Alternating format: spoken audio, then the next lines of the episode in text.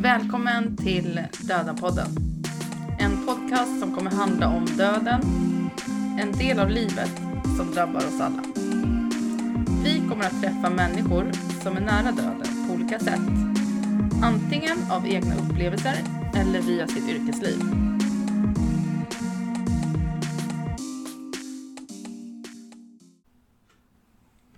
Så, avsnitt två, Dödenpodden. Precis. Vi eh, beger oss in till Stockholm city för att göra vår första intervju. Mm. Otroligt spännande. Vi ska träffa psykolog och psykoterapeut Göran Gyllensvärd. Det är han som är vår huvudperson idag. Det är han och han är ytterst kunnig och erfaren och har jobbat med död och sorg och trauma länge och träffat väldigt många. Mm. Han har även skrivit böcker som jag rekommenderar väldigt, väldigt mycket. Härligt. Nu åker vi. Välkomna till Dödenpodden. Välkomna!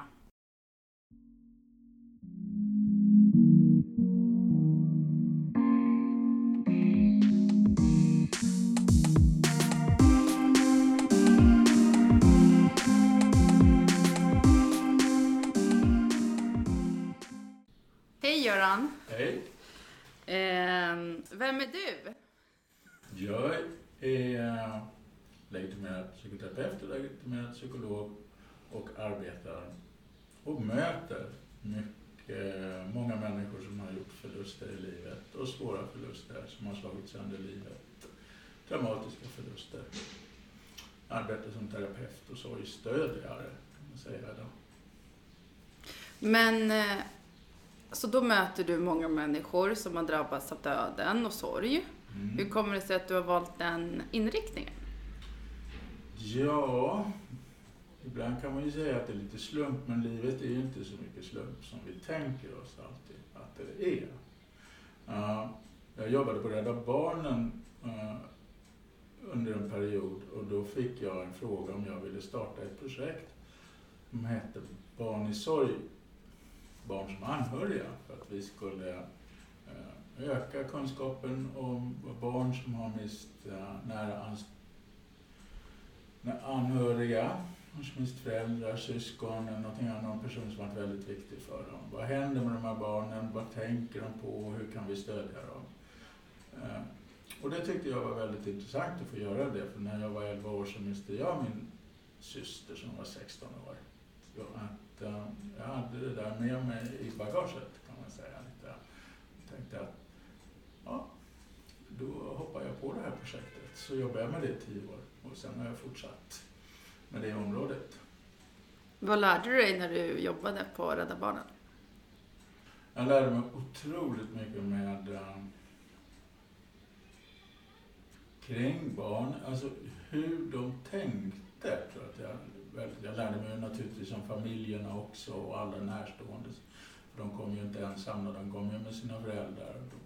Men jag lärde mig oerhört mycket vad, hur de tänkte och vilken stor skillnad det är för barn som är kanske tre år och mister någon, eller fem år, eller är det 19 år. Det är ju så helt olika personer egentligen och vad de kan förstå eller inte förstå.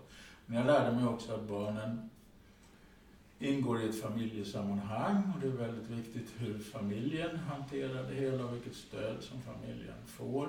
Och jag lärde mig att barnen väldigt gärna håller tyst om det men de har så starka reaktioner, känslor och tankar kring det som har hänt hela tiden. Mm. Absolut. Hur tycker du att det är att jobba med människor som är i sorg och kris? Ja, jag är ju terapeut och psykolog så det är ju en del av mitt jobb. Men jag, det som har slagit mig är att det finns någon slags... uh, en människa i, i sorg och djup sorg är en väldigt, ofta tycker jag, en väldigt ärlig människa. Alltså man har drabbats av någonting som har eh, i de mer svåra förlusterna så ofta slagit sönder livet. Man möter en ärlighet, man möter en förtvivlad. Jag tycker jag aldrig, jag möter aldrig någon tillgjordhet eller någonting annat utan man, man är där på något sätt och har ramlat ner i det som man säger, en djup lugn eller ett hål eller någonting där. Och det, men döden skrämmer mig inte och sorgen och tårar skrämmer mig inte. Så att, eh, därför det, det är ett landskap som jag tycker att jag kan vara i. Och stå, om jag får använda ordet stå ut i, om man säger så, men vara i och möta det som kommer, tankar och känslor. Mm. Mm.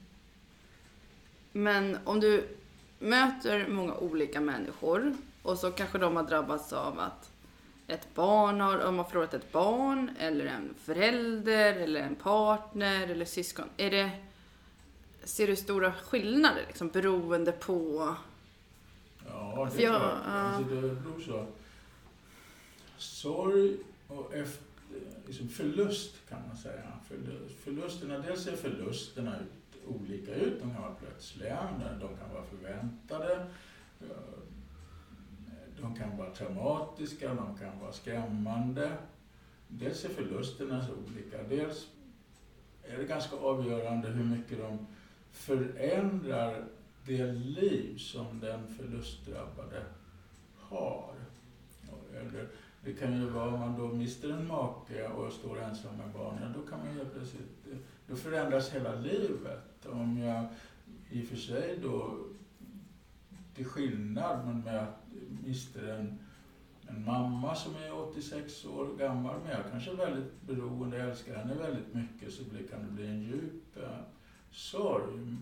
Men mitt liv förändras inte på det sättet och det betyder också mycket. Det, sen betyder det mycket om man har varit med om tidigare i livet som växer och som kommer upp då. Det, det som är obearbetat kan ju väldigt lätt komma upp i en förlust. Sen beror det på vilket stöd man får och vilka existentiella tankar man har överhuvudtaget om vad som ingår i livet eller inte. Och det kan bero på vilken religion man har. Och, ja, så det är så många olika saker egentligen. Så man får möta varje förlust och se vad, vad är det som påverkar den och vad innehåller den för någonting.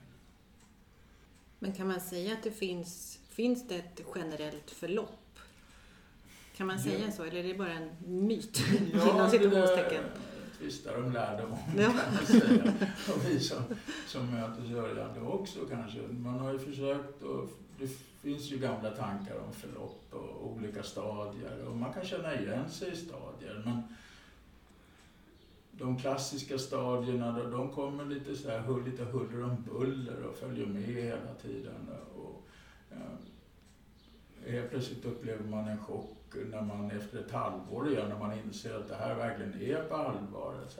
Så, sen kanske det finns ett förlopp att man på något sätt gradvis ändå börjar förstå att det här har hänt. Så att den här insikten, jaha, det är så här på det här sättet. Och det är ett visst förlopp i det kanske och efter ett tag kommer det några tankar om att försöka göra någon berättelse om det var vad som hände egentligen, vad är det jag ska ta med mig vidare i livet. Det kan jag också tycka att det kommer. Det kan komma ett förlopp att det inte gör lika ont efter ett längre tag ändå. För det händer i början så är livet, består egentligen bara livet av den här förlusten. Den, den är allt i den här. Men, men sen så går livet på och det händer saker runt omkring det här. Man får mer och mer runt omkring. Så att förlusten och sorgens känslor kan vara lika stora ett långt tag, men det finns annat som också tar över i livet. Det tycker jag också är någon slags gång i det hela. Mm. Smärtan, smärtan finns kvar. Tiden läker inte alla sår, men såret finns där. Men man kanske möter det mindre och mindre med tiden på det sättet. Om det, ändå, det är en anpassningsprocess också, att leva. Nu ska jag anpassa mig på något sätt. Och det gör vi inte i första taget. Utan det kan ju ta ett, två, tre och fyra år beroende på hur stor anpassningsprocessen är. Mm. Men går det att komma över en, en stor förlust? Till exempel förlora ett barn? Ja, vi kan säga, kan man komma över det? Det beror på lite vad komma över det är för någonting. Ja, jag tror att det smärtar resten av livet. Det gör det. Men förhoppningsvis gör det inte lika ont och förhoppningsvis kan man återvända till någon slags dräglig vardag i alla fall. Den vardagen som, och det liv som för det mesta slog sönder just när det hände. Och man kanske kommer till någon, ja, jag höll på att säga acceptans, men det är inget bra ord, försoning med att livet blev så här. Och man kan försonas med det, men det är en lång, det är fem, sex, sju, åtta år kanske så.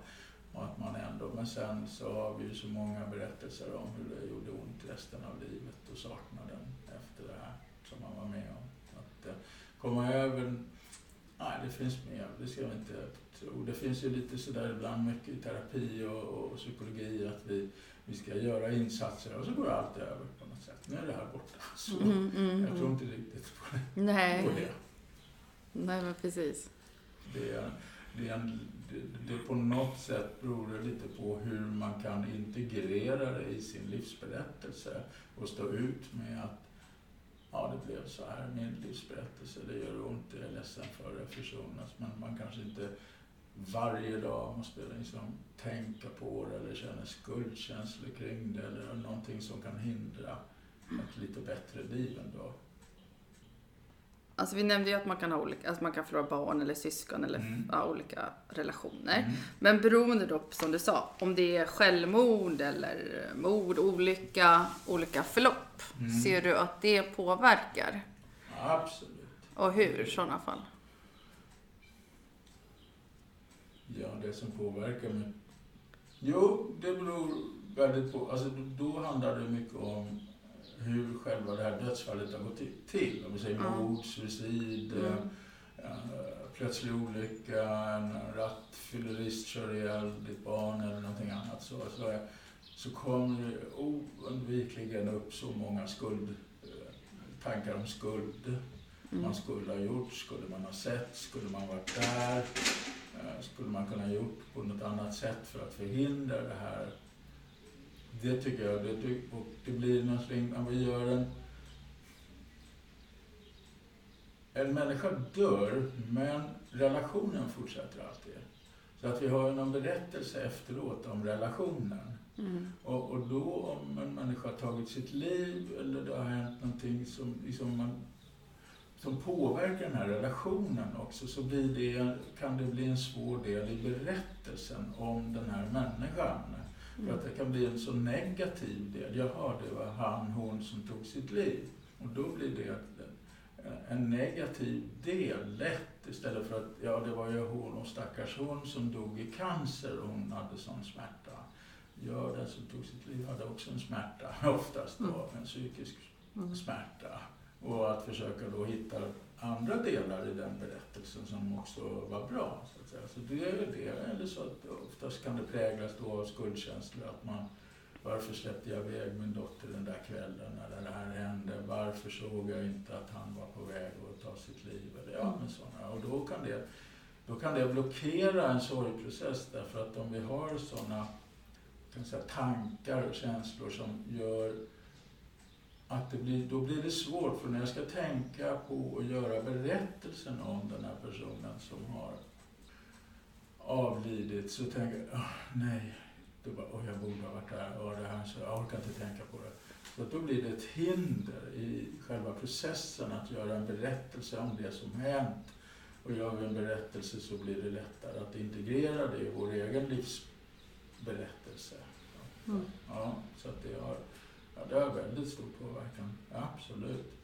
Ju mer, ju svårare det blir att förstå den här händelsen eller att integrera den på något sätt. Vi kan förstå, ja, men hon hade så Åh, stackars hon, hon hade otur, men jag kan förstå att hon fick cancer för det låg i släkten. Det var ju på något sätt alla, både ja, mamma och mormor hade det och så. så. Då får vi ju någon slags förståelse, kan sätta in det i ett sammanhang mycket lättare. Men, men eh, när vi inte kan sätta in själva dödsfallet och förlusten då i något, något sammanhang så blir det också svårare för oss. Då får vi jobba med det, försöka hitta något sammanhang där, eller förståelse för det. Så vi får den där berättelsen att gå ihop på något sätt. Ja, jag kan, och förhoppningsvis kanske man kommer till någonting. Ja, jag, jag ångrar för jag skulle ha varit där. Men jag förstår mer nu varför jag inte såg det. För det, omständigheterna var så här och så här. Men det här med att känna skuld. Mm. Tror du att de flesta gör det? Eller är det främst om man har förlorat någon i självmord? Nej, skuld kommer väldigt, väldigt ofta. Och det, kommer, det, det fascinerades jag över när jag jobbade med barnen också. Eller tankar om att kunna förhindra handlar det väl rätt ofta om. Jag menar, barnet kan vara en sexåring som säger att jag ja, skulle jag gått upp den där morgonen och så skulle jag liksom pratat med pappa där, sagt, istället för att ligga i sängen och bara säga hej då. Då hade han ju kört iväg. Två Mm. minuter senare så hade han inte krockat med tankbilen. Och det är en sexåring som säger, alltså det kommer hela tiden där. Skulle jag sett att mamma var gul i ansiktet lite tidigare, ja då hade jag kanske hade jag sagt till en doktor och, och så kanske så. Så skuldkänslor kommer väldigt, väldigt ofta. Alltså, jag borde ha sett. Ja. Och de handlar ju naturligtvis innerst inne vår enorma stora längtan av alla naturliga skäl att, att vi skulle kunna ha gjort någonting som hade förhindrat det här. Mm. Såklart. Såklart. Mm. Mm. Vad, eh, för du har ju mött jättemånga sörjande, Mm. olika situationer. Mm. Finns det nå- några saker alltså, som brukar vara svårast? Ja, jag kan tycka att det, det, det kan vara svårt när man inte får ihop det i sin liksom, tankar om hur livet ska vara på något sätt, om man säger så. Alltså att, att det, nej, det här, hur kunde det här hända? Det liksom ingår inte i mina tankar överhuvudtaget om att det, att det skulle hända på något sätt så. Att, att, eh, att man själv skulle drabbas av det. Att, att det här, att få in det, att, för, när det inte går, att- det är jättesvårt att få in i sitt i, den bild av livet som man ändå har. Vi har ju olika bilder av livet som vi gör oss, tänker att berättelsen ska bli så här på något sätt, så och så. Och när det där är svårt att ta in någonting och tänka så här, Jaha, en förlust, hur ska jag hantera den? Ska den gå in i min livsberättelse? Och hur ska jag kunna försonas med att det blev så? Det får inte bli så. Ja, och det där kan vara svårt då, när det bara är så att det får inte vara så här. Det får inte vara så här. Ja, men vad, och vad, för då har man inte kommit till insikt att eh, någon har dött eller vad det kan vara. Ja, jag tror att det svåra tror jag, men det, det tror jag är att den här insikten att den här personen är borta för alltid, den är så oerhört smärtsam. Så att jag, jag orkar inte möta den. Men innebär det att man då lever med någon tro av att den fortfarande finns? Nej, det tror jag inte. Det kan man nog säga. Det är två olika delar. Man tror, man, naturligtvis, de flesta säger ändå att min son dog eller min make dog. Men den där, när jag vill att han lever kvar på något sätt. Jag vill inte släppa något slags tanke om att det finns någon slags relation ändå som kanske nästan är här nere på jorden, om vi vill säga så. Alltså att jag inte har släppt det där för det är ändå en väldigt djup insikt, mm, tycker jag i alla fall, att det här att, ja just det, han är borta för alltid och då i alla fall här på jorden, sen vet ju inte jag eller någon annan riktigt, ja vi kanske träffas senare igen då. Det är ju många som har den tanken och det, så är det. Men det är ändå så smärtsamt den där punkten att, att åh, borta för alltid. Men det, man lever inte med, man, men ja, min son är död etc. Så. Sen finns det väl vissa specialfall som man ibland har liksom, i film eller någonting annat där, det- man, man beter sig som om personen fortfarande lever. Mm, mm. Mm. Man, man dukar fram till fyra fast det är bara tre vid matbordet eller rummet står kvar väldigt länge eller så. Mm. Men min tanke just nu i alla fall, med, det är ju en ständig utveckling när man möter sörjande på det sättet, hur, hur hänger saker och ting ihop egentligen? Mm. är att det, är så, det gör så ont att möta den här insikten. Jag Mm. går sönder, säger folk. Jag går sönder. Jag klarar inte. Vad gör du då? Ja, jag får vänta. Jag får vänta på tiden.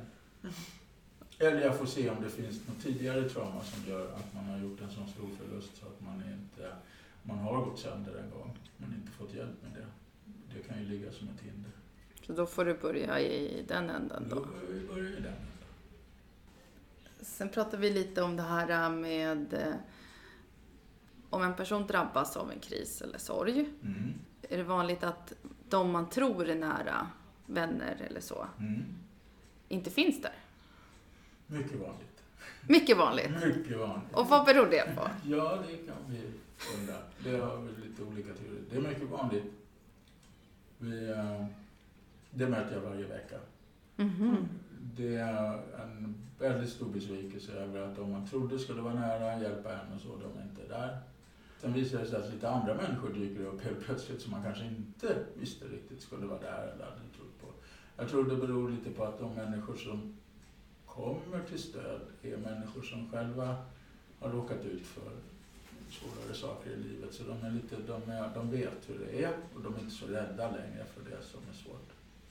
Ja, vad det kan bero på, det är lite olika. En del tänker att det, många kan känna sig obekväma, vet inte vad de ska säga, de är rädda för att det ska bli gråt och tårar, man tänker att man inte stör, man ska inte störa kanske.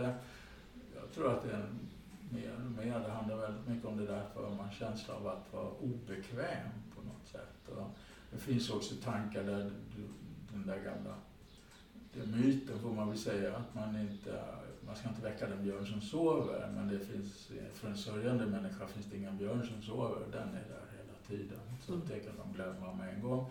Sen tror jag att man tänker också att det, oh, jag måste säga något speciellt eller sådär. Och då, då tycker jag då kan man bli till tröst, bara att vara där. Så liksom, hur är det? Så jag, jag hörde vad som har hänt. Orkar du prata om det eller vill du inte? Bara vara beredd på det. Så har man visat väldigt mycket Mm. bara genom det. Ja, det, jag tror att det beror på lite olika saker som sagt var.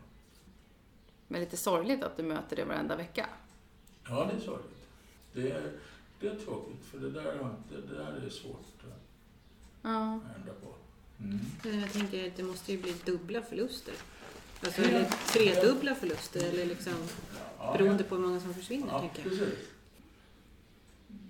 På det finare språket är det att vi gör sekundära förluster, Ja, så precis. kan man säga. Så. Ja, men det, det, gör, det är precis det du säger, man gör det. Och de är smärt, väldigt smärtsamma. Mm. Väldigt smärtsamma och det kan ta många, många år innan man kommer över det. det där som man, för att man är så enormt vid en, vid en, vid en förlust som har slagit sönder ens liv väldigt mycket i alla fall. Som är så oerhört beroende av något stöd från andra. Mm. Man är bara famlar själv. Och, bara en hand eller någonting annat eller någon som är där kommer och lagar mat, bakar, är där, hör av sig. är sånt stöd. Mm. Så att det, där kan ligga som ett svek rätt länge. Så. Mm. Och sen vet jag olika, så har varit med om att är ändå en del har berättat att den där som svek hörde av sig efter tre, fyra år och Mm. berättade och kände, jag tror att alla känner, man känner det också, den som gör sveket tror jag. Sådär. Jag ställer inte upp som jag borde och hör av sig och berättar och ångrar sig eller förklarar varför det var så svårt för den personen just i den livssituationen. Det, ibland är det ju så att våra medmänniskor också har sina svåra situationer eller har någonting som de inte vill eh, ska liksom komma upp. Eller så. Men eh, vanligt är det. Mm. Mm. Mycket vanligt. Men hur brukar det vara om en familj drabbas? Mm. Då har man ju, kanske man inte kan säga samma sorg, men man sörjer kanske samma person. Mm. Brukar det ändå vara att man kan stödja varandra? Det tycker jag är väldigt olik faktiskt. Det på egentligen, tror jag, rätt mycket hur kommunikationen i familjen har varit före dödsfallet. Om man är vana att ställa upp med varandra, vana att, att prata med varandra, vana att, eh, att dela tankar och känslor med varandra. Då tror jag att det blir lättare. Men sen kan det vara svårt, särskilt för barnen då, för de vill inte prata med föräldrarna, för de vill inte, eller den efterlevande föräldern eller vad det är. Då, för då, då vill inte de göra föräldern mer ledsen eller så. Då gråter mamma eller pappa och det blir bara jobbigt. Så och det kan vara så att mannen och kvinnan reagerar på olika sätt också och får lite svårt att förstå varandras reaktioner. Och då får man också mer svårt att stödja varandra. Hur menar du med att de reagerar på olika sätt? Ja, vi har lite, alltså väldigt grovt sett så, så, så en del av oss är mer emotionella och jag har ganska starka emotionella uttryck i förhållande till sorg. Det kan gälla både män och kvinnor. så. Att man, eh, man liksom gråter, sorgen är kroppslig, man orkar inte göra någonting. Hela kroppen och, och känslosystemet är starkt påverkat. Eller påverkat.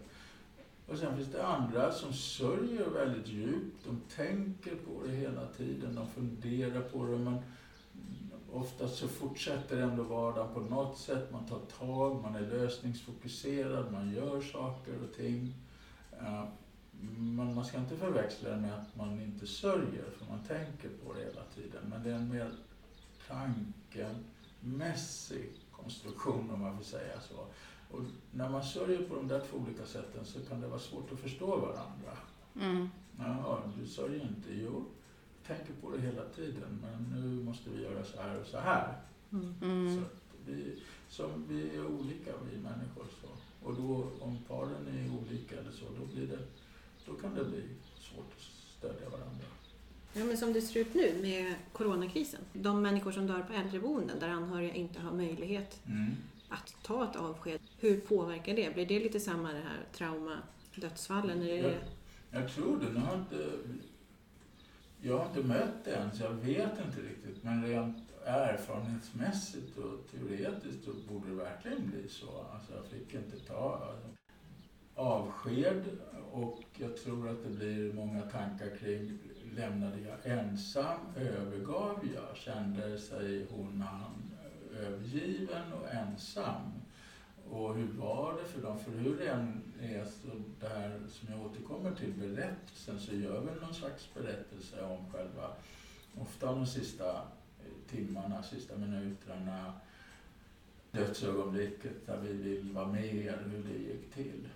Och då, jag kan inte tänka mig annat att det blir en massa tankar kring det. Så, åh, var hon alldeles ensam? Och var det någon där verkligen? Och, och man kanske skulle, åh vad fort, vi vet ju covid här också, det går ju fort ibland också, så himla fort i, i insjuknandet. Mm.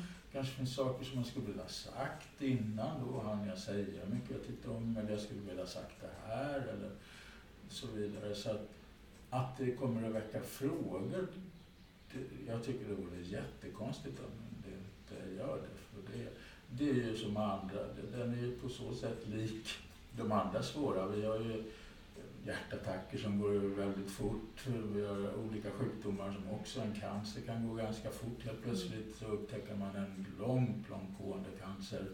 Tre dagar senare är personen död. Alltså det, så att det inte är något nytt kanske direkt så att man inte hinner fram eller så. Och då väcks de här frågorna. Så nu har man ju ändå gudskelov förstått det där att det är någon som är där inne. Eller, det var väl de här första liksom, veckorna när man var bara livrädd för allting. Men nu får man ju gå in, verkar det som, en i taget i alla fall. Och så. Men det, jag tror att många inte hinner ens en gång komma dit. Ja. Så att, visst, jag tror att det blir sånt som man kommer fundera på när man ska göra den här berättelsen. Mm. Mm. Och hur gör man, det sägs som i din, i din yrkesroll så träffar ju du mycket sorg. Du får ju ta emot mycket, gissar jag Mm. också. Hur gör du för att liksom hantera den sorgen och inte ta med den hem och inte bli påverkad av den? Förstår du vad jag menar? Mm. Det liksom, jobbar man med människor så är det ju lätt att man tar dem till sig. Ja. Man skapar ju en relation för Ja, att precis. kunna Ja. jobba vidare. Nej, det blir ju, man måste skapa relation Ja, kan precis. man säga. Jag tror inte att, ja, inte jobba för mycket. Det, det tror jag är ett. Och Att, att liksom, viktigt för mig att inte, och särskilt när jag blivit äldre, att inte Mm. jobba för mycket kanske. Så är det. Men också att, eh, jag tror, jag pratar med andra som jobbar med sorg och så. Vi, vi, jag tror inte att vi tar det känns inte som att jag tar så, den finns där, det förstår jag, Mm. sorgen. Men jag kan ju vara tycker jag, ledsamt att människor drabbas av sådana livsöden som man drabbas av. Så. Men sen är det, det som bekymrar mig, det, eller tänk, det är ju mer ja, men vad kan jag vara till för någon hjälp här? Vad behöver jag göra? Vad kan jag göra? Och hur ska jag liksom hjälpa till och göra berättelsen om det här? Det är mer det som, jaha, hmm, Mm. så. Alltså det är yrkesmannen som alla Mm. yrkesmän på något sätt, det är det. Mm. Men sen tror jag att det ackumuleras lite sorg här. Men den kommer ut med en sorglig film. Eller det kommer ut Mm. helt plötsligt vid en egen förlust av något slag. Eller så. Ja, men då kom, oj, vad Mm. mycket det fanns här. Så att man bär väl, det, det kommer ju där ändå. Mm. Jag tänker att det måste vara... Det är svårt att inte ta emot den liksom. Ja, och där får man väl lära sig och förhoppningsvis har man mycket egen terapi med sig in i rummet. Så att det, det är inte min sorg. Nej. Det, det är den andres sorg, det är inte min sorg. Man kan vara ledsen för att det var den personen har drabbats av det här, men det är inte min sorg. Nej. Jag måste skilja ut det. Det är någon annan sorg. Men det, det är klart att det är, om det är väldigt, väldigt mycket sorg i rummet så att det, ja, om man var där i det. Mm. Mm. Mm. Mm. Men som sagt var jag inte rädd för sorgen. Nej. Det är bra. Ja, det är positivt. Nej, det är... Det är den väl en ut. förutsättning. Ja, den ska, ja, precis. Den ska ut. Men Jag hade en, en annan tanke. Fast när jag drabbades Mm.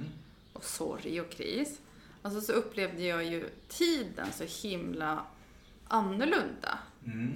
Det, dels tiden innan, det är ju nästan som att det inte finns. Mm. Och dels tiden när det var som värst. Då var det ju som att det fanns ju verkligen ingen framtid. Alltså jag kunde ju nästan inte tänka mig det. Nej. Och alltså hela upplevelsen av tid och även nu om man tänker sådär, Mm. är det länge sedan eller inte? Jag tycker att upp, allt runt den här tidsupplevelsen eller tidsbegreppet har blivit speciellt. Mm. Vad är din tanke om det? Ja, men tanken är att du, du, du är verkligen inte den första som lyfter fram det. Jag Nej. tycker att väldigt många pratar om tidsbegreppet på olika sätt, att det har blivit konstigt. Och en, en beskrivning jag hörde, som jag, det var som att det blev två tidslinjer efter förlusten. Alltså en, en på något sätt som är den där lite normala tiden, när man det går, det är liksom ett år som går på, det, det, det är sommar, det är midsommar, jag menar, det är jul och det är födelsedagar och det går runt på. Men sen finns det en, en tidslinje som är direkt knuten till dödsfallet. Och då blir det helt plötsligt, ja det har gått ett år men det var som igår. Alltså den där linjen som är förknippad till dödsfallet, den har sin egen gång på något sätt. Och den följer inte med den här mer naturliga tidslinjen då, med, man ska säga, den som brukar vara och gå så. Så att där har man två tidslinjer. Jag tycker det var en beskrivning som jag kunde ta med mig. Är det något du kan känna igen?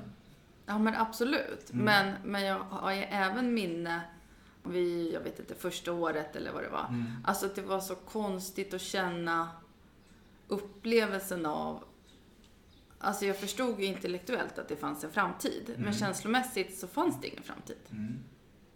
Jag- Det är jättesvårt att be- beskriva Ja, det. du beskriver det väl bra. Det, det är ju inte du den enda heller som säger. Nej. Så är det ju verkligen inte. Nej, men det är väl ofta, det är ingen framtid. Dels handlar det ju om den där anpassningen. Dels handlar det ju om den ändå existentiella tanke eller den förutfattade tanken om hur livet skulle se ut som vi har. Och i det ingår det ju någon slags mening också. Ja, jag ska leva resten av mitt liv med det här och med den personen eller de personerna. Så det är så det ser ut och det är det som ger mig meningen i livet. Men en förlust som är, är svår att slå sönder livet, då gör vi ju samtidigt en väldigt stor meningsförlust. Ja, och då tappar vi all mening och då finns det ju ingen framtid heller. Deppigt, men ja. Ja. Ja, Så, det här meningsinnehållet är väldigt viktigt det kan vi säga när vi pratar om förluster också. Att vi, vad, vilken grad av mening förlorar vi i samband med förlusten? För förlorar vi väldigt mycket mening, då, ja, då blir det ju nästan som en depression egentligen. Så, Jaha, vad ska jag leva för? Det finns Mm. ingenting. Att, Mm. eh, och, så att, eh, ja, det är en av faktorerna där, meningsinnehållet som slås sönder. Och det tar lång tid att återskapa mening och det tror jag också gör att sådana här sorgförlopp tar många, många, många år. För vi, särskilt om vi har förlorat mening, för det är ingenting vi kan bara återskapa. Nej, imorgon ska jag vakna upp med mening igen i mitt Mm. liv. Det, det gör vi inte. Utan det är något som långsamt, långsamt kanske kan återfå genom kontakter med andra, med ett liv som ändå börjar snurra på lite på något sätt. Och Mm.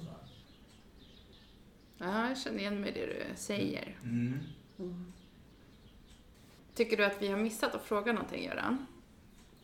Det finns ju så mycket. Vet. Egentligen. Ja. Så, nej, men ni har tagit av, absolut. Ni får väl komma tillbaka om ni, liksom, när ni kommer på och sitter och pysslar med det. För det är väl så man gör. Det finns ju Ja. så många olika ingångar. Så, men, ja, men det var bra att det här med mening, trauma, svårigheterna.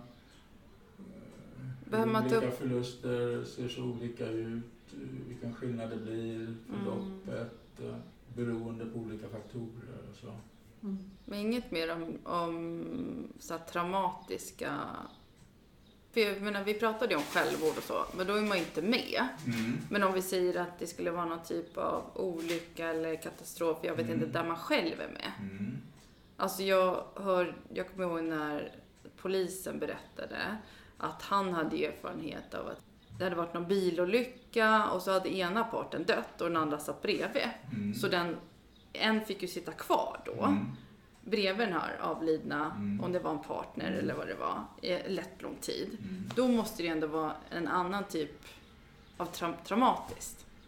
Ja, för traumat, om traumat då innehåller samtidigt som jag ser eller upplever att min närstående dör, att jag själv också håller på att dö samtidigt. Aha. Eller att jag är väldigt nära så trafikolyckor till exempel då tsunamin och många, jag ser min nära Mm. anhöriga där. Men jag själv bredvid men är skadad själv och överlevde. Mm. Ja, det är, det är ännu mer traumatiska upplevelser att försöka bearbeta, skulle jag vilja säga. Så. Då får man börja med den händelsen då, innan sorgen. Är det så? Räcker? Ja, de, jag tycker det i alla fall. Min erfarenhet är det. Sen Mm. är det eh, inte alla som hävdar det. Där tvistar de lärde lite så. Men jag tycker att det blir så att om man inte börjar i den ändan så blir det så svårt för när jag ska bearbeta sorgen och göra berättelsen om det som hände så att ja, men då kommer jag till den där och jag sitter där och ser den här personen bredvid mig. Nej, det orkar jag inte. Och Ja. därför måste jag ta bort hindren för att kunna göra berättelsen. Så Mm. att, eh, Mm. Mig blir det så. Då, då måste vi ta traumat först. Men jag kom på en annan fråga. Mm. Eh, för nu har vi ju pratat om de sörjande, eller Mm. de som är drabbade av en förlust. Mm. Men döden, träffar du också de som kanske har själv fått ett dödsbesked och som kommer träffa dig och säger så här, jag kommer dö om ett halvår. Ja, väldigt lite faktiskt. Jag har gjort det under mina år, men väldigt lite. Så ja, precis. Man har fått ett cancerbesked eller man har, man har kommit, eh, man kanske bara har några veckor kvar på något sätt och vill ha lite råd om hur man ska hjälpa barnen och vad som blir bäst för dem och så vidare. Så. Men vad, hur upplever du den situationen? För då är man ju nöda, nära döden fast i egen person. Ja, nej men den... är- Ja, vad är rätt ord? Den är tung naturligtvis, att möta det. Den beror ju på hur mycket...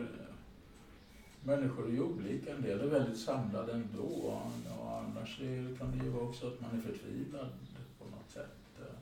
så. Men det är väl som i alla situationer i det här yrket och det jag håller på med, det är att försöka vara där bara. Jag kan inte göra så mycket mer då än att vara där och försöka svara på de frågor som kommer. Eller om man vill ha hjälp med någonting då med barnen. Hur ska vi göra med barnen så. Mm. Då, då, ja, då kan man ju försöka det med sin erfarenhet eh, och att ge det liksom stöd eller eller ge en möjlighet för den personen att få prata om sin situation också, sina tankar, hur det ska bli. Och, Men är det också en sorg över att man sörjer sitt eget liv? skulle vilja säga att det är en jättesorg. Det Mm. kan jag väl känna själv men på äldre dagar sådär. Att alltså sorgen att behöva lämna dem man är, har kär och att man inte får följa med sina barn och barnbarn vidare på färden. Eller, sorgen kan ju se olika ut. Man kan vara... Ja, det är ju klart det är en jättesorg. Mm. Att Mm. lämna. Alltså, vad vi pratar om hela tiden är ju...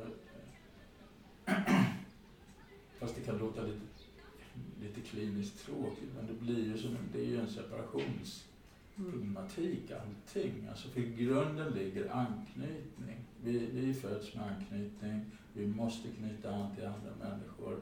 Det är det som är grunden för närhet, för kärlek och allting, anknytningen. Och vi föds också med en ångest att mista en nära anknytning. Och när vi då mister en nära anknytning så får vi starka reaktioner. Det är, det är liksom grunden i det här kan man säga. Mm. Så all förlust där det är någonting som är viktigt som vi förlorar får ju en separationsreaktion, skulle jag säga. Nej, sista orden är väl möt de sörjande. Det, man behöver göra så lite att det kan bli så himla bra. Och att det inte, det är inte psykologer och terapeuter alltid och socionomer och andra kan göra ett jättebra jobb. Ja, det kan bli sämre ibland också. Och, men eh, närstående andra människor är jätteviktiga så att vi inte liksom tänker att det här är något jättekrångligt på något sätt så utan Mm. det är väl mer när det liksom börjar haka, haka upp sig om man har olika frågor kring det, kring det som hände och man får inte ihop berättelsen och så. Eller att det har varit en väldigt traumatisk upplevelse eller andra saker i ens eh, tidigare liv som kommer upp. Ja, men då kan det väl vara bra. Mm. Men så att vi inte professionaliserar sorgen. Det, Nej. det tycker jag är viktigt. Därför är det bra att göra en podd så här på vad, alltså som jag får säga så, icke-professionella i området. Mm. Det, det är jätteviktigt. Mm. Mm. Det tycker vi också. Mm. Verkligen. Tusen tack Göran Ja, tack för din tid. Det var mycket värdefullt. Ja, bra.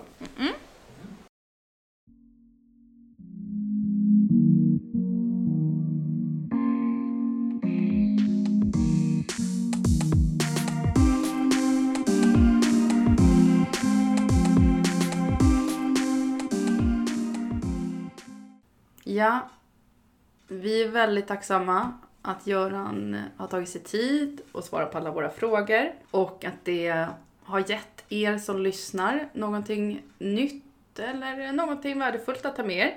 Absolut. Och jag gissar, är ni som jag så måste ni processa det här ett tag.